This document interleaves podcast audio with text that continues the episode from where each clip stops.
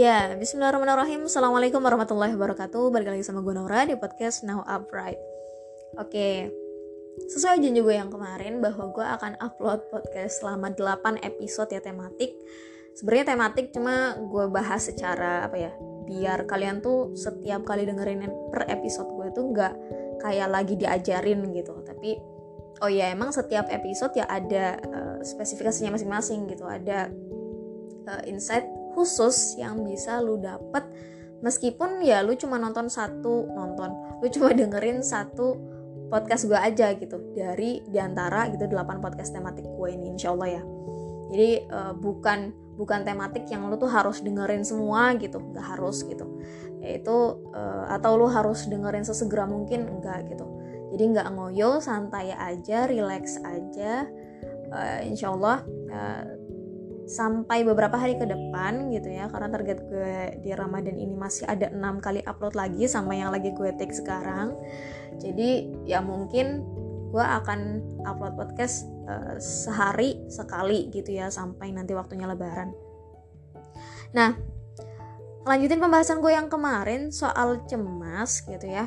Kita kan kemarin udah bahas kalau oh ya penyebab cemas itu ya general apa aja gitu. Secara biologis naluriah manusia itu punya kecenderungan buat cemas gitu kan.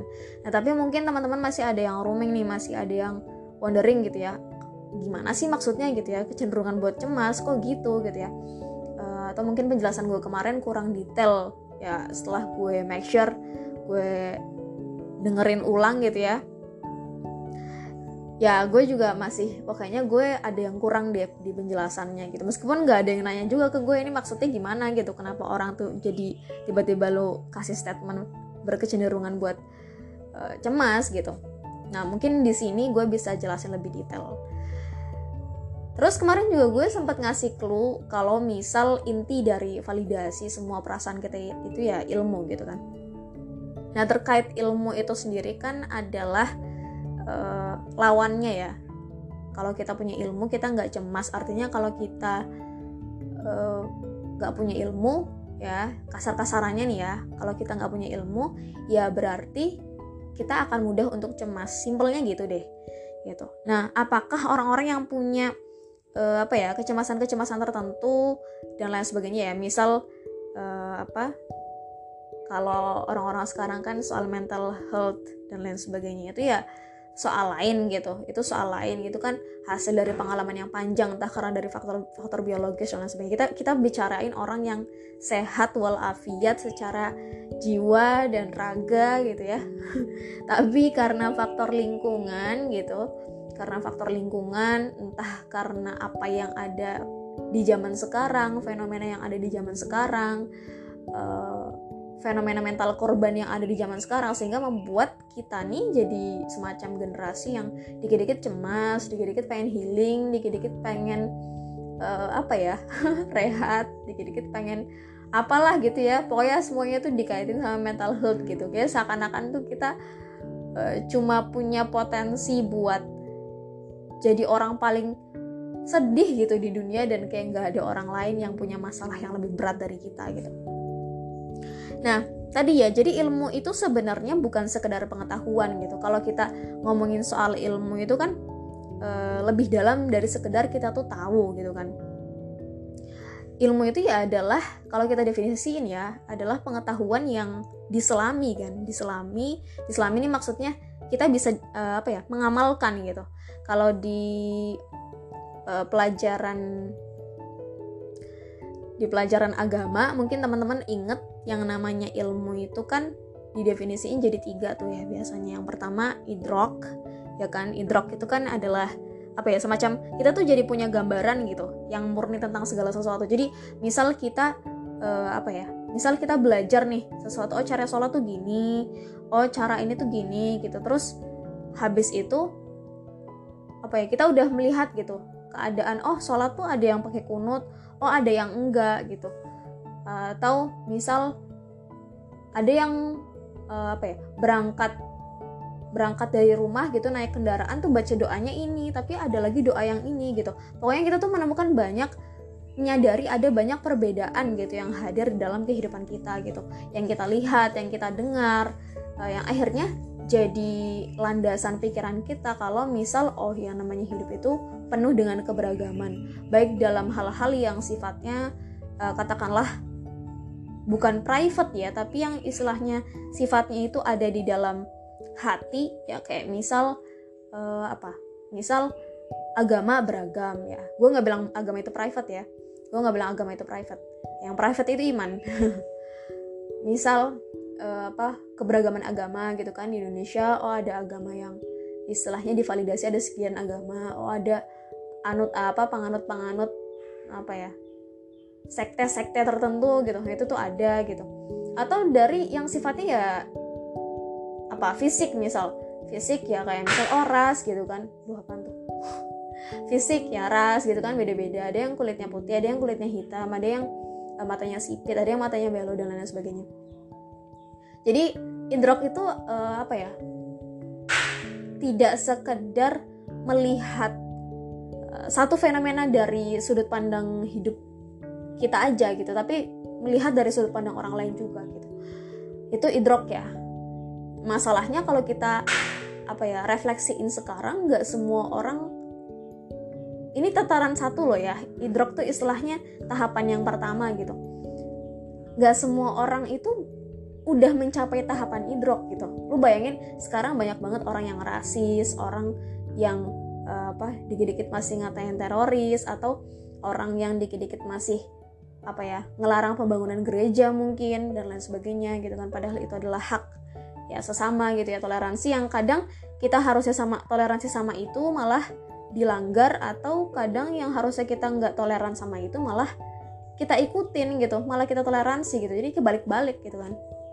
Itu itu sih. Uh, just because mereka merasa ya itu wajar-wajar aja gitu karena mereka menganggap misal ya kayak fenomenanya Gita Saf yang apa bukan Gita Saf sih jadi Gita Saf itu baru-baru ini yang apa yang soal Indonesia butuh feminis itu.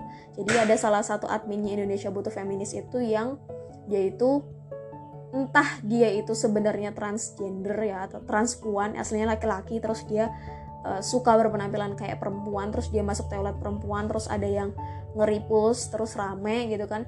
Terus dia uh, Gita Saf ini kan orang Indo biasa ya ribut gitu ribut karena ya itu ganggu ganggu privasinya perempuan dong gitu orang-orang yang ada di toilet perempuan itu apalagi muslimah yang lagi benerin jilbabnya dan lain sebagainya. Terus kita Saf uh, mengomentari dengan ya kok banyak ya orang-orang yang masih obvious gitu. Padahal di Jerman sendiri juga uh, apa istilahnya di sana juga toiletnya tuh ya mau buat perempuan ataupun orang yang berpenampilan seperti perempuan ya intinya yang lahiriahnya terlihat seperti perempuan gitu. Nah, kata-kata yang sebenarnya itu tidak mencerminkan dia itu sudah idrok adalah di Jerman aja gitu. Jadi mengener mengeneralis mengeneralisir sorry mengeneralisir apa yang ada di Jerman dengan apa yang ada di Indonesia. Which is kalau misal bahasanya dia itu adalah susah deh bahas yang namanya equality di negara yang moralis gitu dan lain sebagainya gitu ya. Padahal kan kalau misal kita lihat yang namanya perbedaan kayak sekecil kunut deh gitu ya. Kayak kita kalau misal udah belajar nanti di tahapan selanjutnya yaitu koait gitu kan dari idrok terus koait kita tahu nih aturan-aturannya gitu kan. Istilahnya kita sampai di tahapan koait itu kan kalau kita udah udah tahu ketentuan-ketentuannya udah tahu kaidah-kaidahnya istilah-istilah yang ada dalam Islam itu sendiri yang ada di uh, prinsip-prinsip yang ada dalam Islam itu sendiri apa yang boleh di uh, apa fleksibel kan gitu ya apa yang boleh di uh, apa ya dibikin lentur gitu. Atau apa sih yang udah mutlak itu gitu kan kalau misal di apa ya dia udah sampai tahapan koait aja gitu kan itu kan dia dengan misal ya misal kita udah selesai nih kita udah oh iya emang emang ada yang kunut ada yang enggak gitu. Tapi setelah itu apa gitu kan kita kan tahu nih landasan selanjutnya adalah eh tahapan selanjutnya adalah koait gitu. Ya kita belajar kan ilmu Islam oh, kenapa sih yang ini tuh kunut emang dalilnya mana? gitu. Oh ternyata ada loh imam yang ini misal. Terus ada yang nggak kunut emang dari Imam Syafa dan lain sebagainya. Itu kan penelusuran yang panjang gitu. Istilahnya kalau misal kita tuh idrok tuh ya tahapan kita dari TK, SD, SMP, SMA gitu kan. Terus kuliah kan biasanya kita ada pelajaran apa sih? Kayak matkul filsafat yang gitu-gitu. Itu kan semua itu adalah proses ya filsafat ya kegiatan berpikir gitu. Di mana lu harus mencari tahu uh, apa bukan sekedar prinsip itu lagi bukan sekedar arti dari istilah itu lagi tapi benar-benar kerangka berpikir lu tuh dibentuk gitu kan di situ gitu. Jadi lu nggak hanya sekedar belajar soal teori-teori teori gitu kan atau lu nggak hanya melihat dari sudut pandang di sini aja begini gitu tapi lu juga bisa melihat dari sudut pandang orang lain juga gitu. Dan mengambil jalan tengah dari itu dalam artian tidak melanggar batas-batas yang sudah lu ketahui dalam tingkatan koait itu gitu kan. Jadi setelah idrok lu melihat keberagaman itu pluralitas ya bukan pluralisme terus habis itu selanjutnya itu lu validasi iya ada gitu. Ada tapi bukan mengaf bukan mengafirmasi ya. Kalau mengafirmasi itu kan mendukung gitu kan. Nah selanjutnya koait lu tahu batas-batasnya gitu kan. Nah selanjutnya uh, si malakah gitu kan. Malakah itu ya adalah skill yang lu dapetin dari hasil observasi dan pengalaman yang mendalam di fase dua tadi di fase idrok sama fase koait gitu. Jadi istilahnya kalau katanya Daniel Carnegie itu adalah kita dianggap belajar ya ketika kita mengalami itu gitu. Kayak misal ya kayak misal nih kita nih ikut ya buat perempuan-perempuan nih buat uhti-uhti. Yang belajar soal apa pranikah gitu ya. Ikutan seminar pranikah. Apakah salah? Enggak gitu. Uh, apakah uh, terkesan seperti yang distigmakan sama orang-orang gitu ya?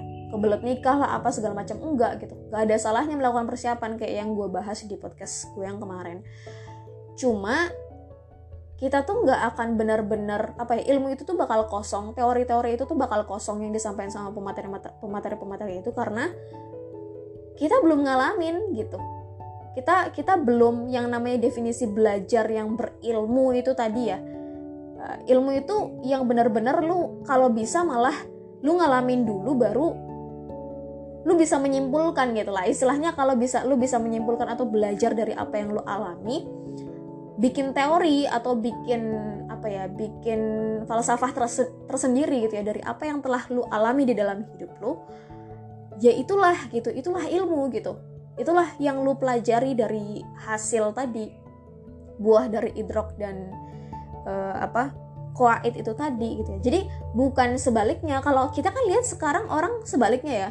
Kayak orang tuh udah berlomba-lomba gitu kan. Apalagi kalau soal agama gitu. Semuanya pengen ngomong gitu kan karena ya memang semuanya beragama gitu tapi mereka nggak berbicara sesuai kapasitasnya mereka gitu.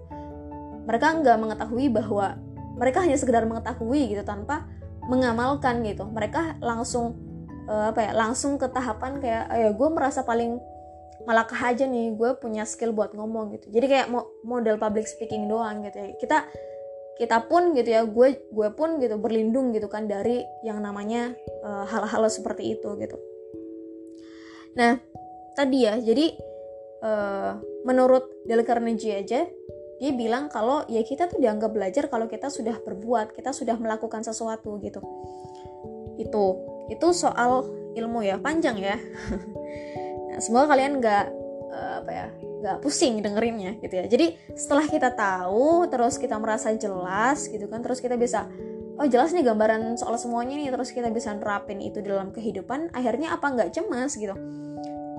Ibaratnya tuh apa ya meskipun nggak ada dalil khususnya gitu ya nggak ada dalil khususnya misal analoginya gini deh kayak kita tuh gue sempat bahas kemarin kayak misal analogi soal tahu dan tidak tahu yang bikin cemas dan tidak bikin cemas ini kayak kita lewat di depan ya kita disuruh masuk deh kita disuruh masuk ke ditantang buat masuk ke dalam rumah kosong gitu kan. Rumah kosong nggak dihuni bertahun-tahun berpuluh-puluh tahun. Gelap ya kan dari depannya tuh udah udah kumuh banget gitu kan. Nah kita tuh kalau nggak tahu di dalam itu ada apa gitu kita bakal bakal wondering gitu kayak bakal takut sendiri kan ini di dalam ada apa nih? Karena kita nggak tahu dalamnya ada apa gitu. Pikiran kita tuh macem-macem gitu kan. Pikiran kita tuh wah di dalam barangkali ada kuntilanak lah barangkali ada pocong lah barangkali ada genderuwo lah dan sebagainya. Gue barangkali di diangkut ke alam lain lah terus nggak bisa balik lagi gitu. Kita kan pikirannya macam-macam karena kita nggak tahu gitu. Tapi kalau misal ya misal uh, kita udah punya keyakinan nih di dalam diri sendiri terus padahal kita tahu ya orang yang tahu itu belum tentu bisa mengamalkan ya. Kayak misal kita bisa aja tetap takut meskipun kita hafal dalil ala bidzikrillah tatmainnul qulub gitu. Kita bisa tetap itu itu kan apa ya kekuatan kita itu kan diujinya di situ ya. Kita melawan hawa nafsu diri hawa nafsu dari diri kita sendiri dan ya kita melawan manusia gitu kan. Misal melawan manusia ini maksudnya ya hubungan kita sama manusia gitu kan. Kayak misal kita bisa aja udah kuat tapi teman kita ngompor-ngomporin gitu kan. Makanya kan e, perlindungan yang perlu kita perkuat tuh sebenarnya bukan ke siapa-siapa tapi kedua kedua hal. Yang pertama hawa nafsu kita sendiri sama ke orang lain gitu. Muamalah sama orang lain gitu kan. Nah itu tadi. Padahal setelah kita masuk bisa aja di dalamnya nggak ada apa-apa gitu. Bahkan bersih mungkin. Cuma dari dari depannya aja mungkin kotor gitu. Dari depannya aja mungkin uh, apa kelihatannya kumuh dan lain sebagainya itu itu itu analogi yang apa ya? Yang sederhana lah yang mungkin bisa kita semua pahami gitu. Jadi intinya sih uh, eh, gue mau menyampaikan bahwa ilmu itu adalah uh, hasil dari amal gitu. Persiapan kita itu adalah bentuk pengetahuan gitu kan. Tapi uh, apa? Kan ada ya ada yang ada orang yang bilang uh, apa? Ilmu sebelum amal ya adab sebelum ilmu ilmu sebelum amal gitu. Nah tapi uh, kita kita general bukan generalistis kan kita kita uh, apa ya kita sederhanakan lagi gitu. Kita simplifikasi lagi gitu. Kalau misal yang namanya pengetahuan dan ilmu itu adalah sesuatu yang berbeda gitu kan. Dan di sini ya tadi gitu intinya uh, eh, gue menyampaikan bahwa yang namanya ilmu itu sejatinya adalah hasil dari amal nah komparasi sederhananya nih komparasi sederhananya ya. Kalau misal ini banyak banget sih yang bahas gitu. Terutama anak-anak teknik ya anak-anak arsitek gitu kan. Kalau misal kita tuh ketemu ya sama kuli bangunan gitu dia tuh bisa karena pengalamannya ya kayak karena apa track record dia yang panjang gitu tuh dia tuh bisa ngedesain satu bangunan tertentu dan membangun si bangunan itu dengan harga yang ekonomis gitu. Karena dia tahu uh, dia banyak uh, udah ngebangun model bangunan yang kayak gini kayak gini kayak gini gitu kan. Terus dia udah banyak survei ke pasar harga-harga yang murah tapi kualitasnya bagus itu seperti apa gitu. Kulit tuh bisa gitu tanpa dia kuliah. Tapi dengan kita kuliah dengan orang-orang yang kuliah itu sendiri arsitek belum tentu bisa membangun bangunan yang kokoh dengan uh, harga yang ekonomis. Pun dengan orang-orang teknik sipil gitu kan orang-orang teknik sipil belum tentu bisa mendesain bangunan sebagus yang dibikin sama arsitek gitu. Jadi apa ya? Ibaratnya orang-orang yang nguli ya dalam artian nguli nih kan udah berpengalaman gitu langsung terjun gitu kan. Mereka tuh bisa menyimpulkan tanpa berpanjang kalam gitu tanpa membuat teori yang panjang gitu. Mereka bisa langsung meng, apa ya, mengimplementasikan gitu apa yang ada di kepala mereka secara nyata gitu kan istilahnya itu itu uh, analogi kedua yang uh, apa pengen gue sampaikan gitu kan nah ya terus gimana gitu kan terus gimana gitu kalau misal sampai ada ya sampai ada ini kalau nggak salah di bukunya si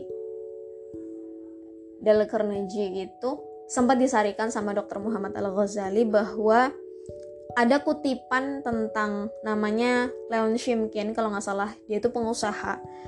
Di mana waktu itu tuh banyak dari banyak dari karyawannya yang berantem karena ya mempeributkan masalah-masalah yang apa ya ruwet gitu. Kayak apa sih nih solusinya gitu kan sampai akhirnya mereka musyawarah gitu kan. Nah terus akhirnya di situ Lan Shimkin tuh bilang e, nyampain satu memorandum gitu ya e, maklumat gitu. Kalau misal nih kalian tuh ya ibaratnya gitu ya si Leon tuh istilahnya bilang sama karyawan-karyawannya kalau nih kalian tuh ya kalau misal ada masalah gitu. Yang pertama identifikasi dulu apa masalahnya gitu. What is the problem gitu ya. Apa apa aja masalahnya gitu kan. Terus yang kedua kalau udah tahu apa masalahnya cari penyebabnya gitu. Apa sih apa aja yang menyebabkan ya faktor-faktor yang paling besar sampai yang paling kecil gitu kan. Nah terus yang ketiga kemungkinan-kemungkinan apa sih yang bisa digunakan untuk menyelesaikan permasalahan tersebut gitu. Misal kemungkinan itu kan berarti banyak ya gitu karena penyebabnya juga banyak. Jadi setiap penyebab itu harus ada solusi yang bisa dimunculkan gitu. Kemungkinan juga bisa uh, satu solusi itu bisa buat banyak permasalahan bisa gitu. Uh, banyak penyebab ya dari persoalan itu bisa. Tapi ya ada juga mungkin satu persoalan khusus yang memang harus diselesaikan dengan wah harus solusi ini nih gitu. Nggak bisa nggak bisa uh, banyak solusi nih harus ini nih yang paling efektif gitu karena udah darurat dan lain sebagainya. Nah setelah mem memikirkan kemungkinan-kemungkinan itu dikerucutkan lagi gitu. Yang keempat adalah apa sih pemecahan masalah yang paling baik gitu? Jadi dari dari solusi-solusi itu tuh kita sederhanakan jadi mana sih yang dia tuh satu solusi doang tapi bisa menyelesaikan banyak masalah istilahnya gitu. Mana yang paling baik gitu kan? Jadi which one gitu kan? Nah itu bisa juga kita mungkin ini ya intinya intinya sih uh, apa sih? Kita tuh kalau misal ada masalah kuncinya adalah identifikasi itu sih yang pertama adalah validasi kan kemarin gue sampaikan yang kedua adalah identifikasi kan analyzing kan kemarin itu Nah, ini ini tahapannya gitu. Kita yang pertama udah tahu apa masalahnya, kita pastiin dulu apa masalahnya dari mana secara objektif ya, seobjektif mungkin. Cari penyebabnya, terus cari kemungkinan-kemungkinan solusinya kira-kira apa aja nih. Nah, terus kerucutin gitu masalahnya. Gitu kan.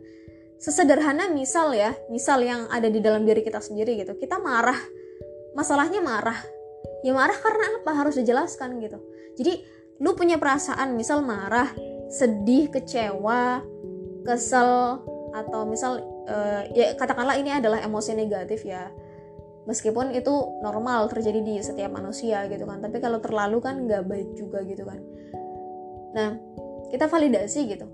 Ini tuh oh ya gue marah. Tapi gue marah gara-gara apa? Harus jelas gitu. Harus jelas biar nanti kita tahu sol uh, solusinya gitu. Kadang orang tuh curhat tapi ya udah pengen didengerin aja gitu. Ya kalau pengen didengerin aja ya ya gimana ya? Apalagi kalau misalnya ada orang curhat sama gue terus pengen didengerin doang gitu. Itu gue kadang gatel gitu. Ya cerita sama gue buat apa gitu kalau buat bukannya resolusi gitu. Dan ketika ada orang cerita sama gue gue jadi kayak punya beban moral buat wah kayaknya gue harus cari solusinya nih gitu. Itu ya. Jadi kalau misal apa kalau misal tadi kita ngadepin perasaan tertentu ya istilahnya ini yang intern banget ya yang di dalam diri kita banget. Kita juga harus harus ngerti gitu ini alasannya apa masalahnya apa apa yang bikin kita kayak gini gitu. Nah sama misal kalau kita pernah dengar itu analisis SWOT ya. Kalau SWOT itu kan kita tahu kekuatan kita apa kita tahu kelemahan kita apa kita tahu opportunity kita apa aja dan uh, apa sih ancaman-ancaman yang kemungkinan terjadi ke kita itu mirip sebenarnya sama filosofi Stoa ya. Jadi kita antisipasi dulu tapi kita juga bisa uh, tetap fokus gitu sama apa yang lagi kita jalanin. Itu uh, apa gambaran ya. Kalau misal istilahnya mungkin dalam perjalanan itu kita menemukan masalah gitu kan dan akhirnya kita validasi dengan cara tadi. Nah mungkin ini juga hikmah dari zakat gitu kan. Bagaimana ini maaf ya kalau misal ada noise noise tukang bangunan gue kalau nungguin tukang bangunan selesai nggak selesai selesai nih podcast gue. Semoga suara gue jelas semoga suara gue um, pesan gue masih sampai ke kalian. Mungkin ini juga hikmah dari zakat gitu ya bahwa yang namanya zakat itu kan hasil dari musyawarah gitu kan yang dilakukan sama uh, apa Rasulullah gitu kan. Terus diturunkan ke khalifah-khalifah setelahnya gitu.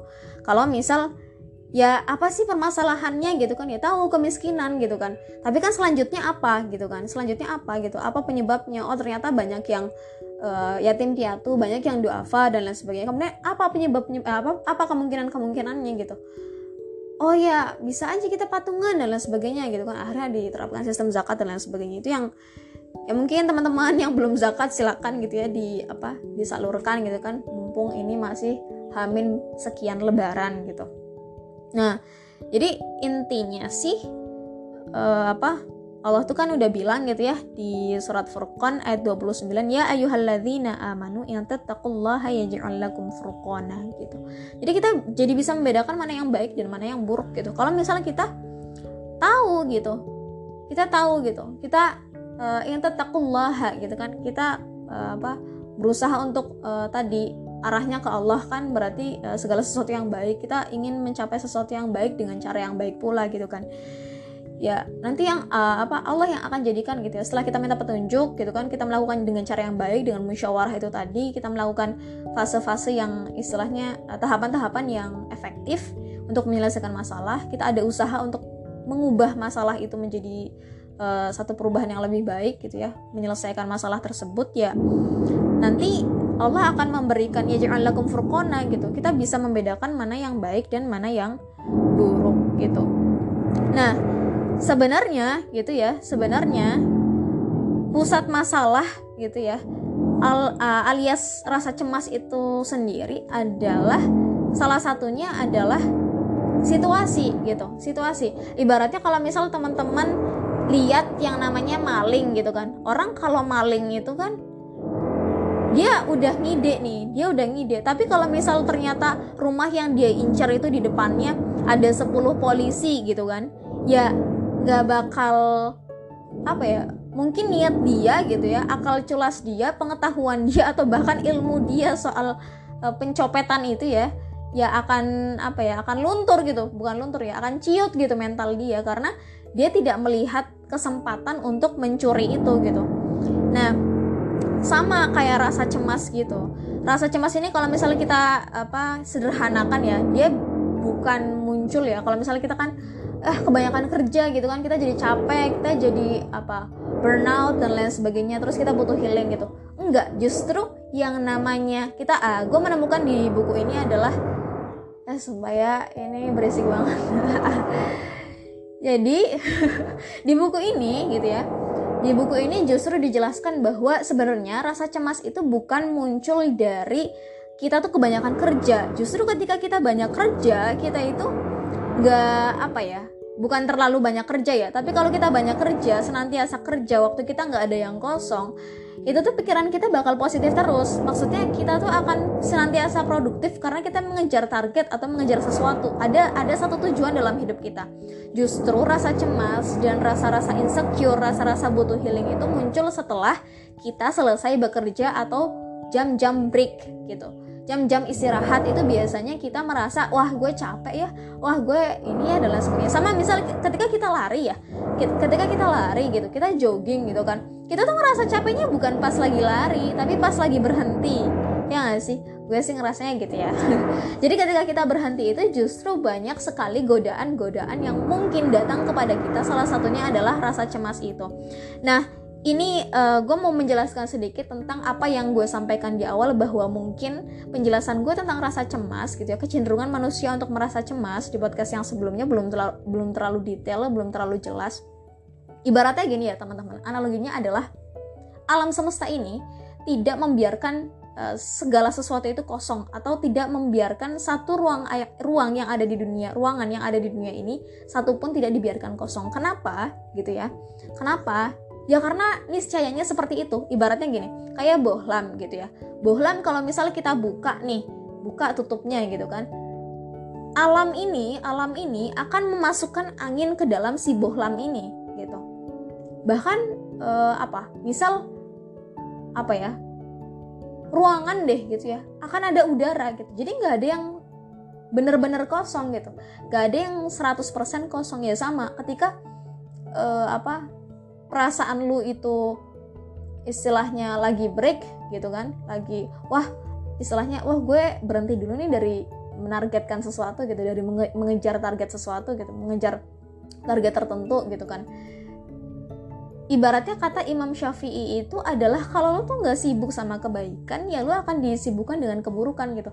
Jadi kalau lo nggak antisipasi waktu break dari kerja lo itu untuk melakukan hal-hal yang baik kayak mungkin tilawah atau sholat duha atau apa kayak kalau pagi misal tahajud dan lain sebagainya kalau misal lu lembur gitu kan ya lu akan disebutkan dengan keburukan. Misal apa ya lu misal uh, apa nonton yang enggak enggak misal atau uh, ngedrakor seharian penuh gitu kan tanpa jeda gitu kan sampai mata lu belel gitu kan.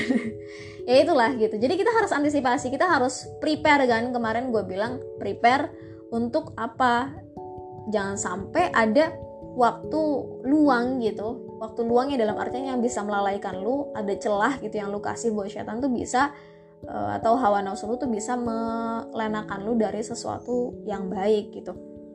Intinya itu gitu ya. Jadi apa ya cemas itu ya intinya akan hadir ketika kita lagi nggak ngapa-ngapain gitu atau lagi nggak berpikir soal apa-apa. Gitu. jadi pas, pastikan gitu ya kita tuh melakukan sesuatu atau minimal berpikir tentang sesuatu yang baik merencanakan sesuatu gitu. Gue salut sama abang-abang gue gitu kan.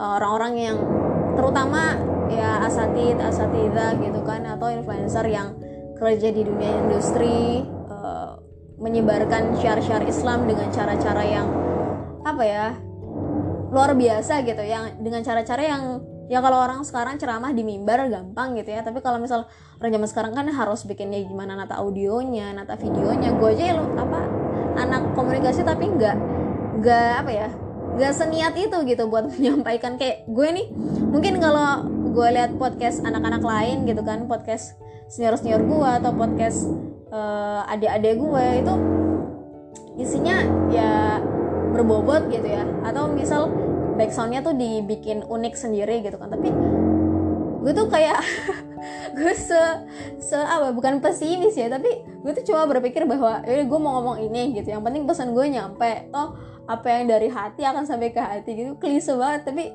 ya itulah gue ya. Kita kita berjuang dengan cara kita masing-masing gitu. Itu sih intinya. Jadi uh, apa tadi ya jangan sampai biarkan kita itu ada di dalam kekosongan. Bahkan di surat al-ahzab itu kan kalau nggak salah di ayat 4 itu Allah bilang Allah tuh nggak menjadikan bagi manusia itu dua hati di dalam rongganya gitu. Jadi Allah tuh cuma menciptakan di apa ya di manusia itu ya satu hati gitu satu hati. Jadi kalau misal si hati itu diisi sama yang namanya kebaikan ya dia akan terus menerus dengan kebaikan. Tapi kalau nggak diisi sama kebaikan ya dia akan digantikan dengan keburukan. Gitu. Pun sebaliknya. Jadi arinal haqqo haqqo arinal batila batila gitu ya. Jadi yang gak akan bercampur yang namanya kebaikan dan keburukan itu.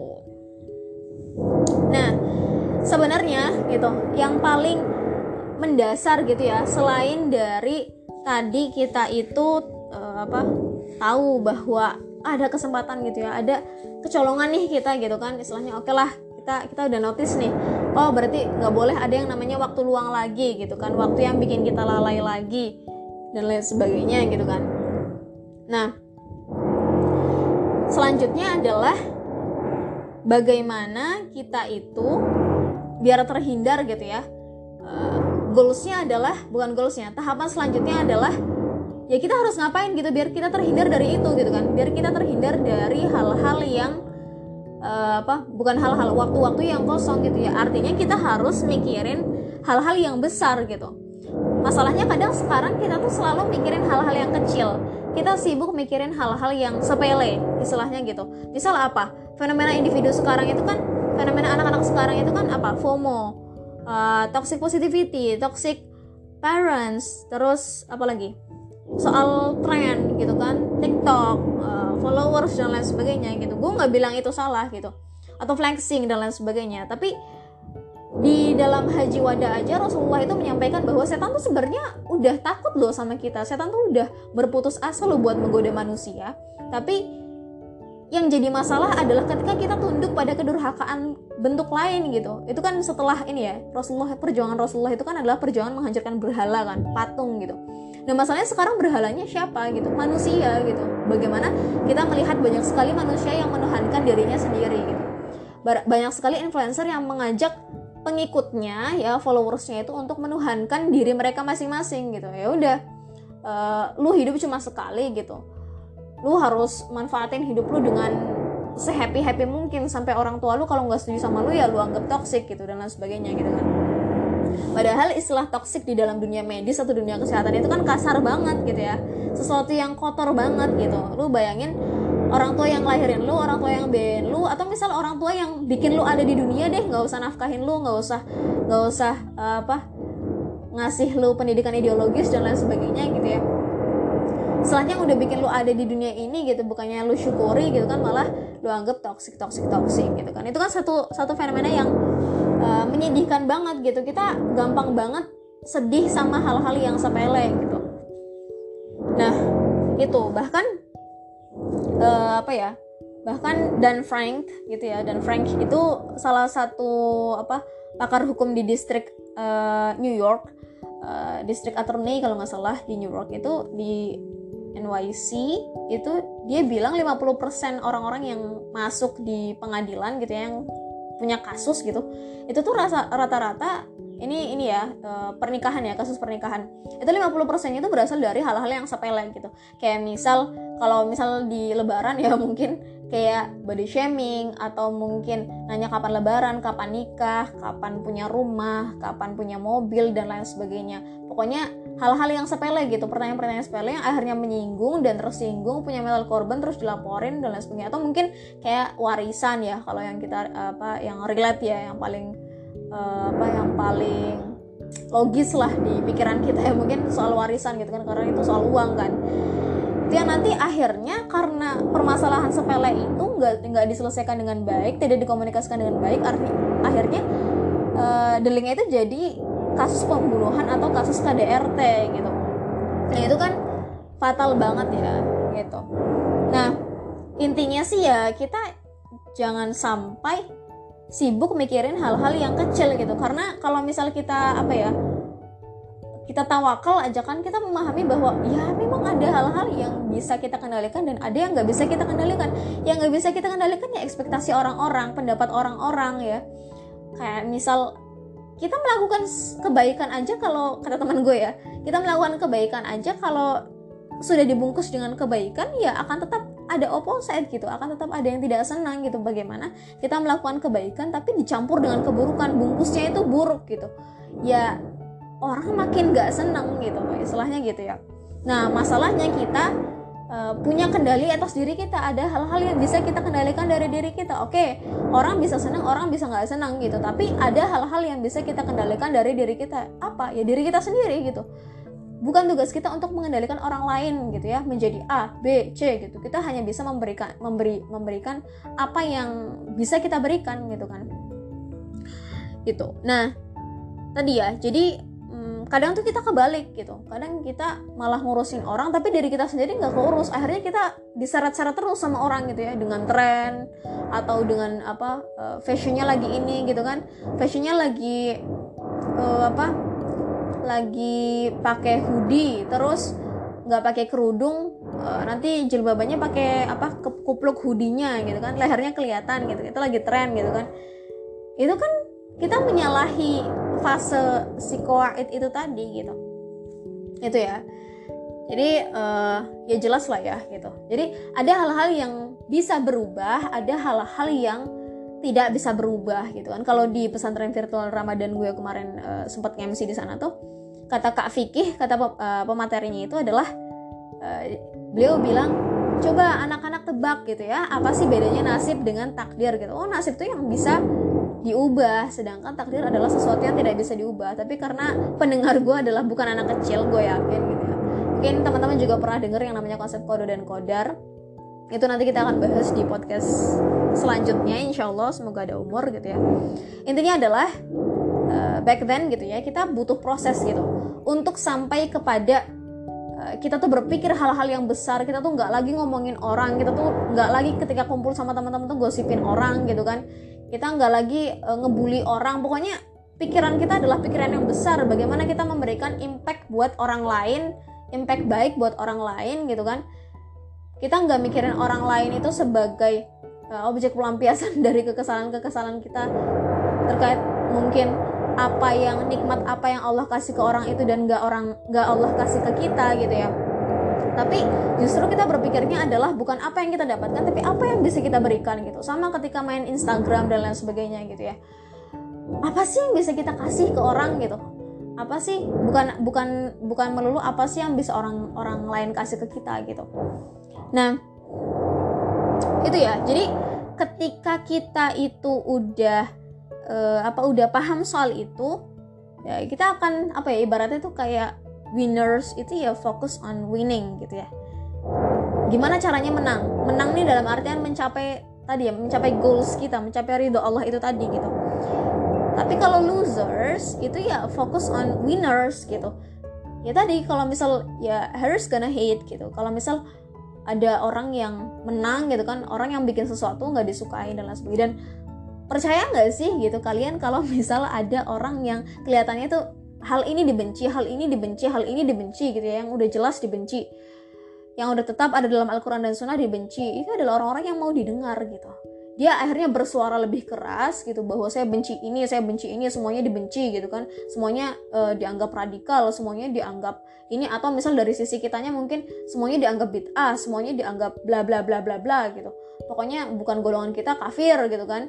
Nah, itu ya losers gitu. Karena mereka hanya hanya melihat pada apa yang salah gitu bukan melihat pada apa yang baik. Nah ini yang kedua sih masuknya. Sebenarnya kita harus bikin positive vibes gitu. Ya bahasa jaksel banget ya. Kita positive vibes ini maksudnya bukan sekedar lingkungan. Kalau lingkungan kan tadi kita bisa kadang kan gini ya kita punya kita punya tujuan gitu kan. Terus oh yang namanya positive vibes itu kan dari lingkungan gitu. Sebatas pemahaman kita vibes itu ya dari lingkungan doang. Ketika kita menemukan lingkungan yang misal apa ya nggak capable ya. Misal gue nih bikin podcast gitu kan. Gue cuma model HP doang. Gue nggak ada mic gue nggak ada uh, sound yang memadai dan lain sebagainya gitu. Gue nggak ada ya apa audio editornya dan lain sebagainya gitu.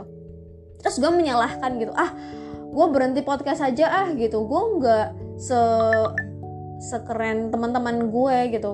Gue nggak sekeren teman-teman gue yang gue yang lain gitu dalam ngepodcast gitu. Lah gue berhenti aja gitu kan. Ya nggak kayak gitu juga gitu. Vibes itu ya uh, selain lingkungan gitu kan bisa teman-teman gitu kan. Ya dari growth mindset kita sendiri dari internal kita sendiri. Lu kalau misal lihat bagaimana BJ Habibie ya kan bagaimana orang-orang besar lah gitu yang Harul Tanjung dan lain sebagainya itu kan dari anak singkong dan lain sebagainya itu kan dia nggak menyalahkan lingkungan gitu. Dia tuh nggak dikit-dikit uh, beliau-beliau itu nggak dikit-dikit menyalahkan ah gue orang tua gue gini orang tua gue ya mental lembek banget gitu kan. Uh, struggling gitu kan survivor gitu kan. Eh warrior gitu warrior sorry warrior gitu bukan survivor gitu. Itu sih. Jadi mereka memilih jalan mereka sendiri ya. Sama dengan growth mindset kita kita jadi bisa menghadapi dan bisa memilih gitu. Menghadapi lingkungan kita yang adanya seperti ini oke kita hadapi apa yang bisa kita lakukan sekarang gitu ya. Terus Eh, kita bisa memilih teman-teman kita kita bisa memilih bacaan kita gitu. Oh nah, teman gue yang ini nih gosip mulu nih gitu. Oh kayaknya gue tertarik sama ininya nih gitu ya. Kalau misal dibilang fake dibilang apa ya dibilang ada maunya doang berteman ya hubungan itu mutual gitu. Hubungan itu mutual. Ketika lo tidak mendapatkan sesuatu yang istilahnya baik istilahnya suami istri aja ya ada visi ada yang namanya visi keluarga visi keluarga itu kan melibatkan dua orang bahkan dua keluarga gitu kan. Yang mana itu harus diciptakan sama dua keluarga ini khususnya dua orang ini yang menjalin yaitu suami dan istri ini gitu kan. Ada yang mau dicapai artinya kalau misal ada hal-hal yang uh, dari istri ini atau dari suami ini menghalangi tercapainya tujuan dari keluarga itu ya harus ditala harus ditangani gitu kan. Kayak misal eh pengen bikin uh, apa rumah Quran gitu kan tapi hari-harinya jarang baca Quran gitu kan meskipun hafiz meskipun hafizoh ya nauzubillah zalik ya. Itu kan harus di, dibenerin gitu kan karena visinya sama gitu udah punya visi. Jadi menurut gue yang namanya ini jadi ke sini ya menurut gue yang namanya mencintai apa adanya tuh nggak ada gitu.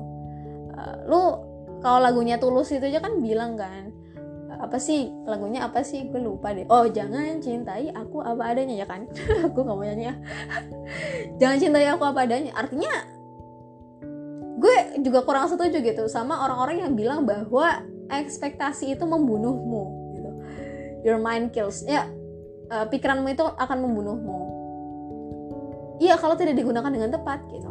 Kayak hidup tuh harus berekspektasi. Ekspektasi oh iya gue gue inget gue inget jadi uh, salah satu teman gue di industri kreatif yang baru viral itu tuh membeda membedakan antara ekspektasi dan harapan. Kalau ekspektasi itu kosong, kalau harapan itu ya harapan. Lu bisa harapan tuh luas ya, general, jangka panjang kayak lu doa, lu berharap nanti masa depan lu bisa pergi ke sini ke sini ke sini gitu. Tapi kalau ekspektasi itu kosong gitu. Gak ada mungkin ada usahanya tapi nggak ada step yang jelas gitu. Nah, mungkin maksudnya itu ya, soal ekspektasi itu. Jadi ya lu harus punya growth mindset intinya gitulah. Uh, lingkungan teman-teman ya pokoknya vibes positif itu yang kedua. Uh, jadi yang pertama tadi adalah bagaimana lu harus uh, apa fokus gitu kan sama goals lu itu apa. Ya kan ridho Allah gitu kan. Terus gimana sih stepnya gitu kan. Terus yang kedua adalah buat positive vibes nah growth mindset nih misal kayak tadi ya selain itu kayak misal kita tuh menghadapi yang namanya hal-hal buruk gitu kan. Hal-hal buruk. Ya kita paham betul ya kita mencoba buat nggak nggak emosional dan bilang sama diri kita sendiri yang namanya kebaikan dan keburukan itu setara gitu ya. Jadi setiap hal buruk tuh pasti ada hikmahnya. Kalau lu nggak rasain sekarang mungkin entar gitu dan uh, yang terakhir adalah pakai kacamata yang jelas gitu kan. Kalau ada tuh lagu zaman dulu ya nasyid itu kan apa sih pandangan mata selalu menipu pandangan akal selalu tersalah ya. Pandangan nafsu itu yang keliru pandangan hati itu yang hakiki. Kalau hati itu bersih kalau nggak salah gitu liriknya. Pandangan hati itu paling baik tapi kalau dia bersih gitu artinya tadi memang intinya ya adalah di jiwa kita gitu bukan di mata kita bukan di akal kita bukan di nafsu kita gitu kan tapi di hati kita gitu Nah, caranya ya adalah kenali diri kita gitu. Kita harus mengilmui diri kita sendiri gitu. Sebelum itu ya kita harus apa sih? Ya kenali dirimu maka engkau akan mengenali Tuhanmu gitu kan.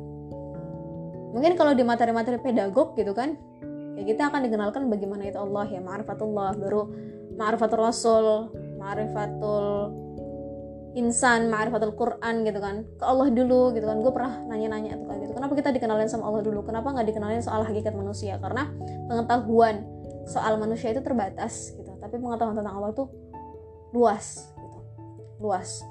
Jadi uh, kita selamin dulu yang luas gitu kan. Ibaratnya kita tuh mau menyelam gitu kan. Kita disuruh yang namanya mengenali diri kita nih. Misalnya kita adalah mutiara gitu. Mutiara itu terus sembunyi di dalam tanah gitu kan. Di dalam laut di dalam tanah gitu kan. Ya kita harus nyelamin airnya air lautnya dulu. Air lautnya ini adalah istilahnya yang punya yang menguasai si uh, apa si biota laut ini termasuk si mutiara gitu. Lo harus mengenali Allahnya dulu ibaratnya gitu ya. Terus habis itu baru lu ke dalam tanahnya tanah kan ya? Tanah apa pasir sih? Tanah lah ya tanah kan basah ya. Terus ke dalam oh lu nemu mutiara. Oh mutiara tuh gini gini gini gini gini gitu. Itu itu kalau pedagog ya. Tapi kalau kalau kita udah berumur nih kita kan udah cukup ya pengetahuan soal Allah. Ya Allah tuh gini dan lain sebagainya gitu kan. Bahkan si apa teman gue ini yang gue tadi cerita yang lagi viral itu sampai bilang uh, dia dulu cita-citanya jadi Tuhan. Karena setiap kali dia main jadi Tuhan atau jadi Allah ya. Karena setiap kali dia apa diajarin sama gurunya tuh atau ditanya sama orang tuanya ini rumah punya siapa? gitu. Punya si ini gitu. Bukan punya Allah gitu. Atau misal lagi main kelereng. Terus dibilang ini kelereng punya siapa? Punya ini bukan punya Allah gitu. Terus dia merasa bahwa oh enak banget jadi Allah gue pengen aja jadi Allah gitu. Nah itu anak kecil banget ya. Dan kita ya tidak mungkinlah berpikir seperti itu gitu kita semakin lama akan semakin menyelami bahwa oh kita tahu Allah seperti ini. Sekarang dari kitanya gitu. Apa yang menyebabkan kita itu kadang ada bersih tegang gitu sama apa yang Allah syariatkan gitu. Entah dari dari hijab entah dari muamalah entah dari makanan mungkin kan banyak yang apa no pork no lard itu ya yang harusnya ada logo halal dan lain sebagainya. Itu hal yang perlu kita selami lagi. Nah next podcast karena ini udah terlalu panjang sayang waktu kalian ya buat dengerin gue harus buat tilawah. Uh, next podcast ya gue akan bahas soal tadi soal kode dan kodar dan mungkin nggak cuma itu ya. Ya intinya apa yang bisa kita usahakan dan apa yang tidak bisa kita usahakan dari perspektif Islam dan mungkin ada hal-hal lain lagi yang bisa apa gue sampaikan. Kurang lebihnya itu aja. Kalau misalnya ada kritik saran masukan silahkan sampaikan ke Instagram gue @catatanura@nuranazif kalau misal ya bagi yang punya nomor WA gue juga bisa langsung disampaikan. Lebihnya itu aja. Wassalamualaikum warahmatullahi wabarakatuh. Bye